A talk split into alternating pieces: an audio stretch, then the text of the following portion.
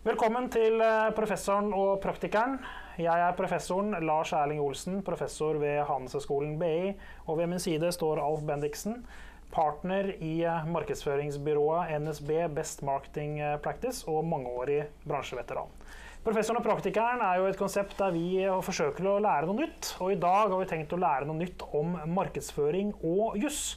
Fordi markedsføring er jo veldig koblet sammen med juss. Og det er veldig mange beslutninger vi gjør som markedsførere som har juridiske konsekvenser. Valg av merkenavn er et typisk eksempel på dette. Eller god forretningsskikk, hva nå engang det er, osv. Så, videre. så Alf og jeg vi har tatt med oss i dag Ida Gjessing, partner og advokat i Gjessing og Reimers, som er ekspert på dette med merkevarejuss og varemerkejuss. Og vi håper virkelig at du kan opplyse oss eh, markedsførere litt om hva jussen har å si for det vi driver med til daglig. Så Ida, jeg tenkte jeg skulle starte med liksom veldig stort overordnet spørsmål. Eh, fra din erfaring, hva er det vi markedsførere ikke kan, men som vi burde kunne om rettsregler og juss rundt markedsføring? Ja, altså Det er jo eh, en del, men jeg tenker faktisk det enkle at det faktisk fins mange regler. Oi. Det er mange regler på dette området. Eh, som man bør være klar over. Eh, og det gjelder ikke bare varemerket, at man ikke skal sjonglere eh, med klientenes varemerker.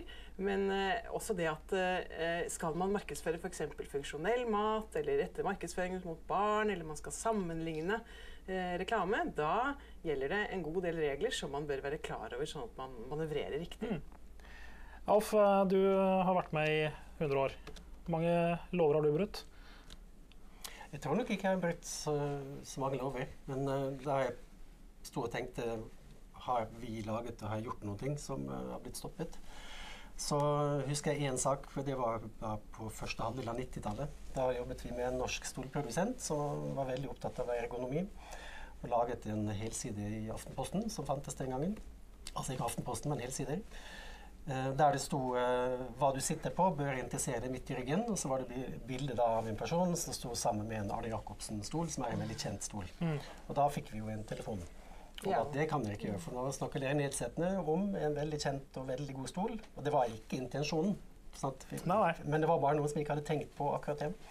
Det er den gangen jeg har vært med på noe som ikke var lov. Eller så har jeg veldig i ryggmargen at man oppfører seg ordentlig. Ja, Er det liksom greiene? Det holder med ryggmarg, ikke sant? Trenger ikke noe mer enn det. Ryggmargsrefleksen er ja. veldig bra. Man trenger kanskje litt mer enn det, men det er en veldig god start. Ja. Eh, nettopp det, fordi I markedsføringsretten så er det jo snakk om å gjøre handlinger som er ikke i strid med god forretningsskikk. Og det er jo en rettslig standard, en veldig skjønnsmessig mm -hmm. bestemmelse, som nettopp er ryggmargsrefleksen, eller hva jeg også kan kalle rødmefaktoren. Mm. Hvis klienten har grunn til å rødme når man tenker å lansere et eller annet, så er det kanskje best å la det være. Men er ikke det veldig eh, liksom, vagt og litt sånn skjønnsmessig? Altså, jeg kan rødme over en ting som Alf ikke rødmer over, og motsatt. Ja, så det er skjønnsmessig, eh, og det er en bransjestandard her. Mm -hmm. som, eh, og man kanskje opparbeider seg en slags kunnskap etter hvert som man beveger seg rundt i markedet, da, for hva som er god forretningsskikk innenfor eh, det man driver. Markedsføringsretten er litt sånn som jazz. Mm -hmm. du, det er spennende, vet ikke alltid helt hva som kommer. Okay, Men man har en grunnfølelse etter hvert når man har lyttet mye. Ja, det var en bra metafor. Ikke som listepop, altså. Nei. Nei. Ja, men, men, la oss snakke litt om dette med varemerker og merkevarer. Dette er jo to forskjellige begreper. Hva er egentlig hva er varemerke og hva er merkevare sånn juridisk sett? Er det samme? Det er ikke det samme. Nei? Eh, et varemerke det er det lett å få. Mm -hmm. Det fins hauger av varemerker, men det fins ikke så mange merkevarer. Nei. Eh, et varemerke det er jo et rettsbeskyttet enerett da, til å bruke en logo eller et navn eller hva det nå er man har fått beskyttet som et varemerke. Og Det gjør man f.eks. ved å registrere det hos Patentstyret. Eller man får det ved å rett og slett bruke det lenge, sånn at det blir innarbeidet i omsetningskretsen. Mm. Uh, omsetningskrets må du forklare, for det er ikke et begrep jeg som ja. markedsfører Hva er det for noe? Vet ikke markedsfører hva omsetningskrets er? Nei, Vi bruker ikke det så ofte som begrep. Nei, vi gjør ikke Det Det er altså de som uh, mottar markedsføringen, eller som skal gå ut og kjøpe som, som målmarkedet ville vi sagt da som markedsfører. Ja. ja. Okay, ja, de som kjøper varen eller tjenesten. Mm.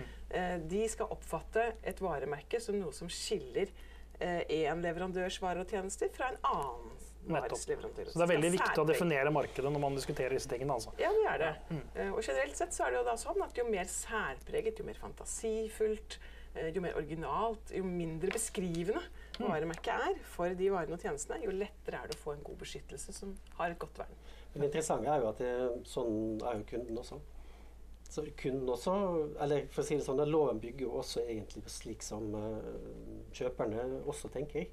Fordi det, det, er ingen, ingen, som liker en eh, merkevare som er en kopi av en annen. Da tenker man bare at eh, er du så lite flink, klarer du ikke å finne på noe sjøl? Men hvis de skjønner det, da. Det kan jo være en forvekslingsfare. De tror det er en kommersiell forbindelse. Ja. Det er jo faren. Ja. Uh, og det er jo derfor man kanskje ønsker å beskytte varemerkene og det som etter hvert kanskje blir en merkevare fra kopiering, mm. ved å være original og særpreget og, og få en sterk posisjon. Da. Fordi det er jo, som du sier, det er jo til markedets fordel også det. Mm. Da kan man gjenta et godt kjøp, og man kan unngå et dårlig kjøp. Ja, nettopp. Men eh, ofte sier jo motivet til den som kopierer, at uh, vi har lyst til å se like bra ut som du. Eller du har noe som vi syns er så fint, så vi har også lyst til å se sånn ut. Eller snylte på, som du sier. da. Ja. Men i praksis, eh, ikke alltid, men eh, det finnes en god del eksempler på at uh, de som har kopiert en markedsleder, har bare hjulpet markedslederen til mer vekst. Ja, det kan nok også være. Du får en mer oppmerksomhet rundt den kategorien, kanskje. Mm. Men i det lange løp så er jo både markedet og aktørene tjent med at man kan holde dette atskilt. Det blir lettere mm. å orientere seg, og man får på en måte eh, tilbake en verdi av eh, innovasjonen sin. Da. Man kan rett og slett høste som man sår. Mm. Eh, hvis eh, alle kan kopiere det etterpå, så vil man kanskje ikke investere så mye. Men Det er veldig bra dette med å ha særpreg og originalitet osv. Men hvis jeg er en markedsutfordrer, så kan det jo være at jeg ønsker å bruke et kategorispråk eller kategorifarger. Eller, det er lov. Ja men, men, men, ja, men er det lov uansett? Eller er det noen grenser der? Ja, hvis det er en kategorifarge, f.eks. at en grønn pastill viser eukalyptus eller en sort viser lakris, det er greit. Det er greit. For da er det okay. beskrivende. Så det er nettopp det. Så eh, hvis man isteden velger en farge for sitt produkt som ikke har noen beskrivende funksjon i forhold til produktet, og lager det en kombinasjon som er eh, bemerkelsesverdig på et vis, mm -hmm. så vil man få lettere et vern for nettopp den liksom, emballasjedesignen ja, eller Jeg ja, for Vil ikke ofte en markedsleder hevde det da, og si det at ja, jeg hører, du ser at du kopierer, du kopierer, oss nå fordi vi har gjort dette, vi har bygd opp, det er vi som har laget dette kategorispråket. Det kan ikke du få lov å snylte på. Ja, ikke sant? Det er jo et klassisk eksempel. Eh, men man bør ikke da kalle det et kategorispråk. Man bør kalle det et varemerke. Okay. Ta, ta Tine, da. Melk. Som Helmelk er vanlig rød, lettmelk er litt lysere rød, enda lettere melk er grønn, mm. kulturmelk som kanskje ikke finnes lenger, er blå, fløte er oransje, rømme er grønt. Og så mm. kommer ku med akkurat samme, samme fargekoder. Da. Ja. Men det er ikke noe forvekslingsfare. Men de har ja, er det ikke det? Jeg tar, ofte, jeg tar ofte kumelk når jeg tror jeg tar Tine motsatt. Gjør det? Ja. ja. Det kunne nok vært noe man kanskje kunne reagert på da det skjedde. Ja. Men nå kan man ikke reagere på det lenger. For nå har dette foregått i markedet så lenge at det er i hvert fall blitt et kategorispråk. Men burde Tine reagert på det når ku kom? Sånn i ettertid? Det vil jeg ikke si nødvendigvis. Eh, de hadde iallfall hatt større sjanse hvis de mente at det var okay. riktig mm. å gjøre det da. Fordi, men samtidig var det en veldig spesiell mm, mm. situasjon, fordi Tine var jo da eh, alene på markedet, mer eller mindre. Sånn at eh, det man da gjør, da er man, er jo, da er man i faresonen for å eh, degenerere varemerkene sine hvis man har så stor markedsdominans at publikum, omsetningskretsen, mm. forstår dette som en kategori og ikke som en opprinnelsesgaranti. Nettopp. nettopp. Men hvis jeg er en merkevarebygger og over tid har jobbet med disse tingene her, og vært veldig konsistent og vært veldig flink til å lage sånne merkeelementer som har særpreg og sånn, og så kommer et reklamebyrå, Alf kommer til meg, og så sier Alf at nei, nå må du finne på noe nytt, gjøre noe annet. Skal jeg ikke gjøre det da, eller? Jeg syns ikke du skal høre på Alf, da. Nei. Det syns jeg ikke. Jeg synes det er en Jeg hører ikke så ofte på Alf uansett, men det er hyggelig. Ville aldri sagt noe sånt. Vil ikke det? Vil aldri sagt noe. Ok, jeg lar orda munne på det. Jeg skjønner at man må fornye seg og rette seg mot en, trender som skifter. Mm. Men samtidig er det en veldig verdi i å være konsekvent i varemerkebruken, og også det visuelle uttrykket. Fordi det er da du opprettholder og bygger det ja. eh, merkevaren, og varemerket også da, eh, knyttet til eh, at dette er noe som betegner dine varer og tjenester, og ikke konkurrentens. Ja, skjønner. Kan man beskytte hva som helst? Altså navn, logo, design, farger? Eller? Det kan man. Det er ingen begrensninger eh, lenger nå. Eh, slik at man kan beskytte omtrent hva som helst. Det er noen unntak. Noe som bare er en mhm. form, eller bare har funksjon, eller bare tilfører estetisk verdi kan ikke beskyttes. Og så finnes det også noen andre unntak. Men i utgangspunktet ja. Og det hele beror på markedet. Ja. Det hele beror på hvordan markedet oppfatter det man ønsker å beskytte. Ja, så Norvegia var jo en etablert ost, og så kom Norvegia vodka. Og det var greit? Ja, det var kanskje et grensetilfelle. Eh, men det som er eh, annerledes med Norvegia vodka, er at det dreier seg om alkohol mm -hmm. og ikke en ost. Ja. Slik at du får jo utgangspunkt Men det er jo samme kunder. Ja, jeg kjøper ost, jeg kjøper vodka. Varer. Så du registrerer ja. eller innarbeider et varemerke for bestemte varer og tjenester. Okay. Og det vil være særpreget kanskje, for, for den varen og tjenesten skjønner, som du innarbeider for. Så, en, mm. så, har du et kodakvern. Er du velkjent, så kan det være at du går over i andre varekategorier og også får en beskyttelse. Ja, forklar Hva mener du med Kodak-vern? Ja, for Kodak var jo et veldig kjent mm. varemerke i sin tid. Og er det kanskje fortsatt, mm. selv om de har uh, feilet litt i, ja, i Litt mer borte nå. ja, så er det likevel et veldig kjent varemerke. Coca-Cola er et annet. ikke sant? Mm. Sånn at uh, da får du et utvidet vern også for varer og tjenester som du ikke har brukt varemerke for. Okay, så jeg kunne, jeg kunne ikke lansert en Coca-Cola-vodka, liksom? Det hadde vært feil? Det hadde vært helt feil. Vodka. Men Norvegia er jo en av Norges mest kjente merkevarer. Ja, eh, så hvor går grensen? Hvor går Kodak-grensen? Øh, ja, den går kanskje der, da. Ja, det må være globalt, da? Er det sånn, eller? Nei, det må ikke være globalt. Det er et øh, regionalt vern, altså et mm. vern i Norge som det kommer an på. Nettopp, nettopp. Men styrken er nok svakere, og Norvegia er jo på en, til en viss grad kanskje har et beskrivende element av at det er noe fra Norge. Ja. Men en annen ost, Jarlsberg, da, som er kanskje ikke like stor, men heller ikke like kjent som Norvegia, der det kom en kalle konkurrent som het uh, Kongsgård, eller som de kalte Kongsberg. Um, fordi jeg var lik Jarlsberg. Men uh, som ble, hadde en undertittel som het Jarlsberg-type. Ja. Det fikk de ikke lov til. Det fikk de ikke lov til. Det er skyldig å si at der, der representerte jeg Tine i den saken for Jarlsberg. Så, så du er litt inhabil her nå? Jeg er litt inhabil der nå, men vite, ja. vi vet jo at mm. domstolen ga Tine medhold. Ja. Uh, og det var rett og slett et varemerke. Da anførte eh, Synnøve Finden at dette ikke var varemerket, men beskrivende fra ost fra Jarlsberg, mm. eh, gamle fylke. Og det er jo riktig, det. Mm. Eh, at eh, i sin tid så var det Jarlsbergost som ble dyrket nede i Vestfold. Mm. Men det er jo over 100 år siden, og ja. jeg tror den osten hadde ikke flydd i, i i dagligvareforretningen. Var det, var det det som var problemet med den saken, at de kalte en Jarlsberg-osttype? Eller var problemet at det var like farger? På designet? Eh, det kunne vært problematisk begge deler, men det man vant frem på, var jo eh, varemerkespørsmålet. Mm. Eh, og det var jo ikke problematisk, for det var en klar og tydelig dom på at Jarlsberg er et innarbeidet varemerke og registrert varemerke. Og ikke en typeost? Det er en, ja, ikke en typeost, ja. Mm, men, men, en annen sånn plagiatsak da, som var i fjor, Loen Skylift, en gondol i Loen, som har gjort en enestående jobb med å utvikle en visuell uh, identitet som er helt distinkt og ikke fins noe tilsvarende i hele verden. Og, og, laget noen elementer som hver for seg man aldri har sett før, og satt de sammen på en veldig spesiell måte. Relativt nyetablert selskap. Og så kommer da en konkurrent noen mil unna og uh, planker den, eller kopierer, da. Og med de samme elementene, men satt sammen litt annerledes. og plagiereren vant i retten. Ja, det er riktig. Den saken eh, gikk jo først for Bergen tingrett og så for Gulating lagmannsrett. Eh, og, og, Loen vant jo frem i, i tingretten, men tapte altså da i lagmannsretten. Den saken eh, den dreier seg om en logo som var rett og slett en skråstilt eh, vaier. Også denne frakoblede kvadratet som kunne representere kanskje eh, selve Hva heter det? Gondolen. Gondolen ja. ja. Mm. Eh, men eh, det var likevel, syns jeg, også en distinkt logo, dette her. Og begge parter hadde der fått uh, dette registrert som sine varemerker. For noen små forskjeller. Um, og jeg tror den saken kanskje led litt av det forhold at begge parter hadde registrert varemerket, og så ble ikke varemerkeregistreringen angrepet. Og så mente Gulating lagmannsrett at Eh, når man da hadde hvert sitt varemerke, så burde man også kunne bruke det. Mm. Eh, men, Bergen, nei, men Gulating la også vekt på at dette var geografisk forskjellige steder. Og Der er jeg altså litt uenig med mm. mm. Gulating lagmannsrett. Jeg tenker at her er det spørsmål om det er en kommersiell forbindelse.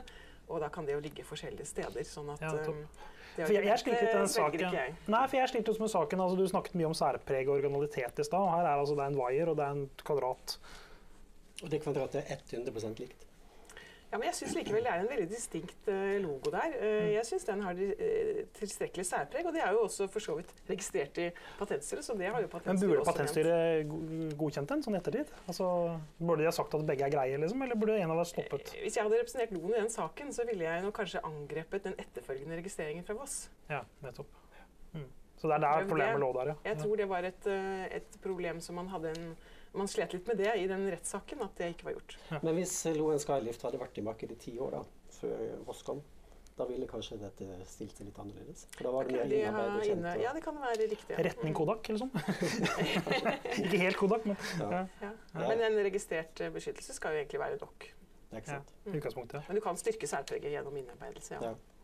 Du nevnte litt tidligere i samtalen begrepet degenerering. Hva er det? Forklar oss det. Ja, Det er jo når noe tipper over fra å være en opprinnelsesgaranti, altså et varemerke, til å bli en del av det alminnelige språket. Potetgull er jo et eksempel som Ja, Den er jo ganske kjent, den saken. Ja. Potetgullsaken. Potetgullsaken, ja. Der skal jeg også si at Der representerte jeg Orkla i den saken. Mm, så du var med den? Ja. Eh, ja. Mm. Eh, og eh, der var jo forholdet det at eh, Mårud hadde jo registrert dette varemerket potetgull lang tid tilbake. Men så hadde man da benyttet dette, eller hadde blitt så eh, kjent produkt på et vis, eh, eh, slik at mm. folk flest snakket om potetgull som et alminnelig ord. Det var en type mm. snacks. og da mistet man det vernet. Det vant Orkla frem med. Mm.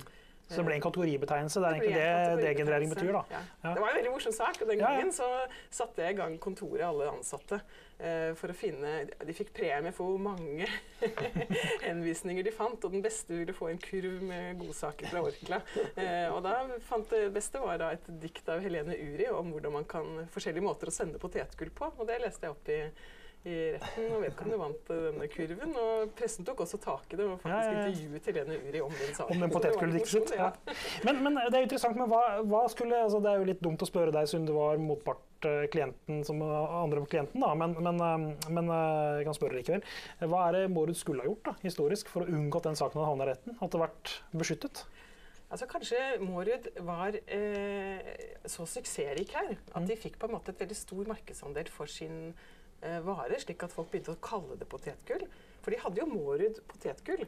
Eh, det man må passe på som varemerkeinnehaver, er jo at man hele tiden ikke bruk, altså hele tiden bruker eh, Man skulle kanskje heller sagt potetgull, potetchips, eller altså man har en annen generisk betegnelse. For når de skriver Mårud potetgull, så kan det oppfattes kanskje i omsetningsketten som at Mårud er varemerket, og potetgull er den generiske liksom. betegnelsen. Ja, de hadde også en del andre emblemer hvor de hadde gjort det samme. Mårud peanøtter, øh, Mårud popkorn osv. Og, så og da blir det lett for omsetningskretsen å forstå at potetgull er et alminnelig ord og ikke et varemerke. Man må tenke på å beskytte. Ja, man må passe seg for det. Så det er litt farlig å bli for stor? da? For suksessfull nesten over tid, ja. så må du iallfall begynne å tenke på det. Og hvis ja. man blir for stor, så må man være veldig, veldig konsekvent mm. og veldig påpasselig for hvordan eh, markedsførere som får lov til å skalte og valte med det mm. varemerket. Man behøver ikke nødvendigvis å finne på så mye nytt. Man må passe på å hele tiden fortelle at dette er varemerket, mm. og den generiske betegnelsen er noe annet.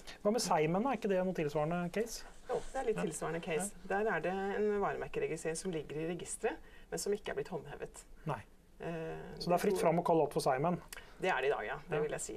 Men Makrell i tomat er jo også en sånn, for den originalen er jo stabburet.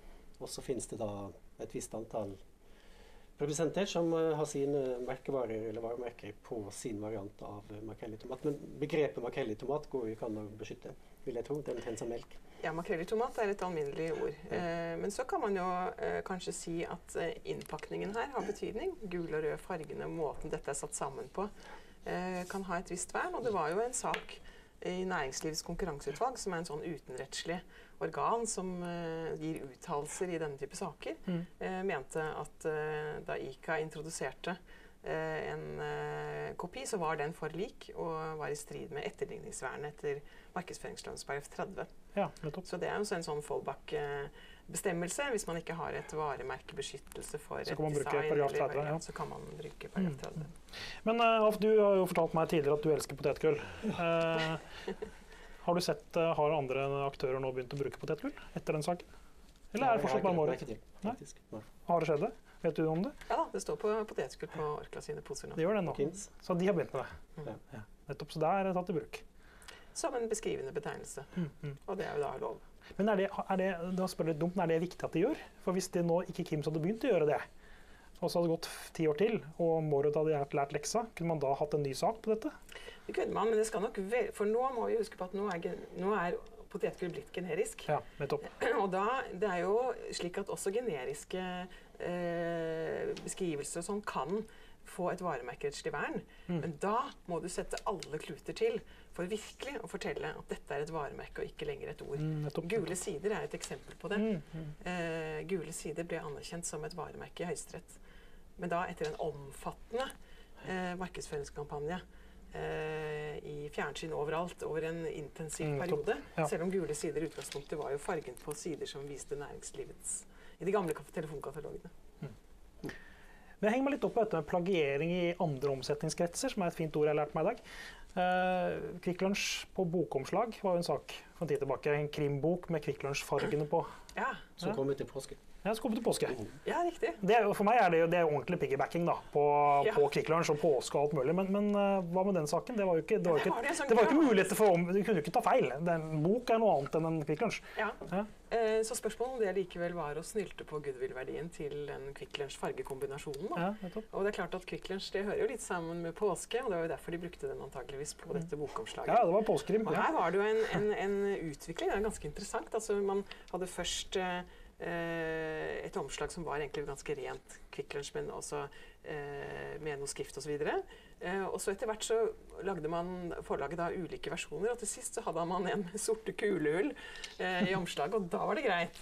Okay. Eh, det de stusser jeg veldig over. Nei, med de Så kulehullene var det som skulle til, liksom? Kulehullene var det som skulle til, og det syns jeg nesten er å nesten ødelegge dette varemerket Kvikk. Altså, det er jo nesten litt sånn Du skyter jo på det. Martin. Ja, jeg syns ikke det var Men det var jo ikke tvil om at man Altså, intensjonen her var jo så solklar. Og da hjelper det ikke at forlaget sier at eh, ja, men disse fargene er det samme som i flagget til Senegal.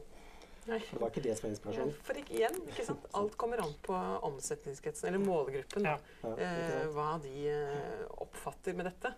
Så da hjelper det ikke Og faren en for at jeg kan ta feil, ikke sant? Det er også litt betydning Ja, her. hvis, det oppfattes som, men, eh, hvis det oppfattes som noens varemerke, så er det det, selv om det også er noe annet semantisk. Mm. Men det er jo interessant, vi sa det kanskje innledningsvis, men var, når vi gjør analyse f.eks. For, for å eh, kvalitetssikre eller utvikle kommunikasjon, reklame, eh, og vi presenterer en idé, og der folk i analysen sier at dette minner meg om reklame til den og den, så er det jo én, da, da må vi ikke gjøre det. To, forbrukerne syns jo det bare er dumt. Og tre, det er jo forvekslingsfare her sånn, og da får man kanskje ikke med seg hvem som er avsenderen, så at det rett og slett ikke er så lurt. Ja, Men er likevel så blir det jo gjort. Men stadig noen som kopierer. det er klart det kan være en lett inngang for å nettopp få markedsandeler raskt. da. Fordi man, selv om man kanskje ikke forveksler, så assosierer man, og får gode følelser for noe man ser som ligner noe man liker. Eh, så det kan jo være Eller at man rett og slett også tar feil i hylla. Bare man er handler jo, raskt. det er jo en fare, selvfølgelig. Men, men det som vi har sett i mange tilfeller, er jo at når en konkurrent kopierer sin hovedkonkurrent, så hjelper det hovedkonkurrenten at man setter fokus på det produktet man har kopiert. Fordi, som du sa Mm. Kalles fint for Nedungadi-effekt. Nedungadi. Nedungadi, bare Det må du forklare. Eh, en annen gang. Nei, ja, det, det handler om, eh, På norsk kan vi si blokkeringseffekt. Okay. Det betyr at en markedsleder blokkerer en kategori så voldsomt at hvis du bare blir minnet om kategorien, så kjøper du markedslederen. Ja, Og, og da er det slik at, og da er spørsmålet igjen da, hva er det som gjør at du minnes om kategorien? Det er klart Hvis du lager en copycat-produkt, så er det jo mer sannsynlig at du da minnes på kategorien og kjøper eh, konkurrenten. Altså det er eksempel da, Hvis eh, noen lanserer en ny makrelltomat og bruker de samme kodefargene og ser ganske lik ut som stabburet sin boks, så kan det godt skje at folk ser den og kommer på makrelltomat. Det har jeg lyst på, og går og kjøper stabburet. Men det betinger jo at du markedsfører det. At du gjør en aktiv Ja. markedsføringsinnsats. Ja, eller at du finner det i butikken, eller ser det, i hvert fall oppmerksom Ja, på det. Hvis du finner det i butikken ved siden av stabburoriginalen, så er det jo ikke til noe gunst for noen. Der. Nei da, det- kommer litt an på hvordan det gjøres, men, men det, er en, det er egentlig ikke en sånn eh, markedsføringspraksis, Nedugani-effekt. Det er mer en psykologisk effekt. Mm. Men, men den er interessant, fordi Nedugani-effekten sier egentlig det litt motsatte som jussen. i dette her. Ikke, ikke nødvendigvis noe problem, men det er det at eh, det som er et problem med jussen, er ikke nødvendigvis et psykologisk problem. Mm. Men, men det er en annen diskusjon. Men nå har vi snakket litt om kopier og sånn, men jeg vil slå et slag for de som eh, faktisk finner på noe nytt. Ja. Kanskje et ny, ny kategori, ny, nytt produkt ikke, som markedet nå ser. Eller en ny variant, noen nye smaker. Mm, Og da er det jo viktig at man gjør det. Eh, ikke tenker nødvendigvis hvem er det som er markedsleder her, for det er et nytt kategori. Men da må man velge eh, en original innpakning, et originalt navn, for å nettopp beskytte den innovasjonen. Ja. Det er kanskje Det er et viktig, liksom, budskap her. At når man hjelper eh, noen inn på markedet, så må man rådgi rundt det. At man velger faktisk noe som er særpreget. Mm, -hmm. Som man både kan eh, vinne gode markedsandeler med, at det liksom er en schwung over dette, men Mm. også at det Ikke står sant. seg godt rettslig. Derfor uh, blir Alf eh, valgt å kalle selskapet for NSB. Ja, stemmer det. Men det er jo initialene til oss. Å oh, ja, det var sånn det var, ja. Ja, ikke sant? Der er vi Nilsen hva er det markedet ikke oppfatter. Skjønner de det, Ja, eller ser vi, de på noe men vi er, annet? jo ikke for, vi er jo ikke redd for å bli forveksla med tog som kommer for De har en annen omsetningskrets. Kanskje NSB ikke liker det. Jeg tror nok det går greit. Du, jeg, vi- du var innom det litt i stad, men hvis du ønsker å lage sammenlignende reklame Jeg ønsker å fortelle hvor mye bedre jeg er på attributt A, B, C, D enn konkurrenten min. Er det fritt fram, eller er det noen regler for det også? Det er i utgangspunktet lov. Før var det faktisk det ansett som dårlig skikk. Det var det jeg lurte litt på, ja. Men, men det er lov. Og det er, eh, vi har en egen forskrift om sammenlignende reklame. Nettopp. Ja. Eh, og, eh, men det er strenge vilkår. For det første så må man markeds, eh, sammenligne relevante og representative produkter. Eh, og så må det jo være dokumenterbart, det man sier. Det må være sant. Og det må også kunne vise at det er sant. ja, nettopp. Eh, eh, og så er det også heller ikke lov å snakke nedsettende. Så du må være en sånn kald, eh, faktabasert informasjon. Det er ikke lov å si at I hvert fall eh, faktabasert. Ja, for faktabasert. Ok, ja. Nei, for, det, men det, det er, for jeg syns veldig mye av sånn sammenlignende reklame jeg ser, er liksom helt inn litt på grensen da, til det, det å snakke nedsettende, som du sier. Mm. Men det er altså ikke lov. Det er ikke lov å snakke nedsettende, nei. Men det ikke bare- Men det, er- det spørs jo hva du mener med det. Altså, hvis det er slik at noen selger noe som har en dårligere kvalitet, og det kan påvises, så er det lov å si. Men det er jo ikke Altså, én ting er at det er ikke lov, en annen ting er at det er dumt. Fordi nordmenn vi er sånn at vi, vi liker jo ikke den som snakker nedsettende om andre. Uansett om uh, du kan gjøre det eller ikke kan Mm. gjøre det. For da du blir ikke likt hvis du snakker stygt om noen. Det, be- det er bedre, som du sa. Men hvis konkurrenten er et svensk merke, da? Jo, men da, det er noe helt annet. Da er det lov. Ja, men, men der er vi tilbake til eh, en fantastisk kampanje som, eh, som uh, Diplomis gjorde mot uh, GBIs. Ja, det det jeg tenkte på. Sånn. Jeg var jo det, i det byrået rett etter den, de hadde laget den kampanjen. Men de, altså, for det første så skulle GBIs ta Diplomis. De satte jo han klovnen sin opp utenfor hovedkontoret til Diplomis omtrent og sa vi kommer og tar dere, vi skal feire dette markedet, som Unilever hadde gjort i alle land. Og så svarte eh, Diplomis med en kampanje der de sabla ned eh, GBIs. Mm. Dette var inn mot 17. mai, som er Ja. veldig emosjonelt. Snakket om norsk kremfløte, husker jeg. og Masse sånne ting. ja. Bjørn Stellen Bjørnson Mm. tok trukket ut av bøkene igjen og som talsperson for Norsk Is. Og de, det er jo interessant, fordi dette var det eneste markedet GBIs ikke hadde klart å ta. Akkurat. Det var Norge. Har aldri klart det heller, for den har aldri kommet inn etterpå. Nei, så er det et dårlig produkt. Det er jo ikke basert på fløte, det er basert på margarin. Det var en egen reklamefilm. Ålreit. Ja, nei, men jeg, jeg, det er Godt poeng, Alf. Du, til slutt i dag.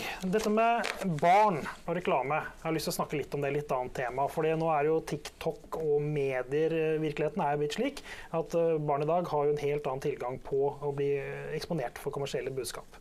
Uh, og vi vet jo også, Alle markedsførere vet jo at man skal være veldig forsiktig med med barn og reklame. så det er for så vidt greit. Men er det lov i hele tatt å markedsføre mot barn? Ja, det er lov å markedsføre mot barn, men man må være veldig varsom. Ja, Hva betyr det å være varsom? For det, det har jeg også hørt. Jeg vet at man skal være varsom, men hva er det? Ja, du kan f.eks. ikke markedsføre energitette produkter Nei. eh, mot barn. Du kan ikke holde på med tilgift i form av leker til ting. Det er en god del ting. Dette er, ikke, det er litt utenfor mitt eh, fagområde for så vidt, akkurat markedsføring mot barn. Men, eh, eller er i hvert fall ikke noe jeg driver veldig mye med. Men det er egne regler om dette i markedsføringslovens forbrukervernskapittel. Mhm. Eh, og det finnes også eh, en god del praksis eh, rundt dette fra forvaltningsmyndighetene. Så, eh, så, og dette er også for så vidt eh, veldig viktig og riktig, tror jeg. Mm. Eh, og barn blir jo utsatt for dette på en måte som eh, ikke ligner noe vi var vant med når vi ble vokste opp. Eh, fordi da hadde man en lineær TV, og man kunne vise ting etter klokka ni, og da var det greit. Mens eh, i barnas liksom, sendetid så var det annerledes. Nå har vi jo knapt nok kontroll på hva barna egentlig utsettes for. Mm. Jeg, kan, jeg, kan, fortelle at jeg har brutt loven. Det kom på en har brutt loven der òg? Ja, det er verre verre dette her, Ida. det er jo ikke lov å gjøre analyse blant barn. Men vi hadde et prosjekt eh, for noen år tilbake, apropos dette her. fordi det, jeg var ekstern konsulent for et uh, innovasjonsprosjekt for å lage en vintersportsserie. Utstyr, da, ski, skøyter, alt mulig sånt for, for barn. Uh, fordi de variantene som var på markedet, så ut som uh, små utgaver av voksenski og skøyter og alt mulig sånt. Så vi lager noe som heter Frost som er blå til, til, prinsen og rosa til prinsessen. Og, og ble markedsleder eh, over natta, egentlig. Men da eh, tenkte jeg hvordan skal, jeg få barn, hvordan skal vi få feedback her sånn? Så jeg snakket med barnehagen som barna mine gikk i, og fikk intervjua barna der. Ikke i barnehagen, men eh, et annet sted. Og da lærte jeg noe ganske morsomt, og det er kanskje noe som de som ser på her også tenker. nemlig, For da skulle jeg, da stilte jeg dette fantastiske spørsmålet da vi var ferdig. Satte alle sammen i en hestesko og spurte dem men når dere sitter nå i bilen med mamma og pappa og skal kjøre hjem, hva er det dere kommer til å snakke om da? tenkte jeg, nå, nå får jeg svaret. Så var det en jente som, som rakk opp hånda og sa vi kommer til å snakke om deg. Ja. gjorde et godt inntrykk. Ja, ja. ja, Ida, er det noe du tenker at vi ikke har snakket om, som uh, du som uh, advokat og jurist mener at uh, nå, nå, har du sjansen til å si det inn i kameraet til norske markedsførere? Jeg syns vi har vært innom veldig mye. Her kan man jo holde på i evigheter. Det finnes så mye morsom praksis, og jeg syns jeg har verdens morsomste yrke som får lov å holde på med dette her. Men jeg tenker kanskje en sånn sluttbeskjed da, eventuelt, det er jo at man må holde på kreativiteten. Ja. Uh, man må vite grensene for rammebetingelser hva man kan gjøre. Men, men, kreativ og god og særpreget markedsføring, det er noe som uh, de juridiske reglene også egentlig hegner om. Mm.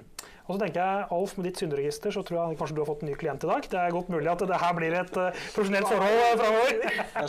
har du lært en dag, Alf? Ja, det, det som du kalte, som jeg allerede har glemt, um, omsetnings... Uh, Omsetningskrets. Jeg, jeg, husker det. Ja. Omsetningskrets, det er nytt begrep. Ja, omsetningskrets og degenerering, det har vi lært litt om da. Jeg tror degenerering hadde noe med gener å gjøre og sånn. Ja. Degenererte ja, gener. Men, men det kan... vi har alle begynt vår degenerasjon. Ja, sånn er det. Med det, med det fantastiske avslutning så takker vi for i dag. Tusen takk for du som så på. Og følg med videre på en ny episode senere i Professoren og praktikeren. Takk for i dag.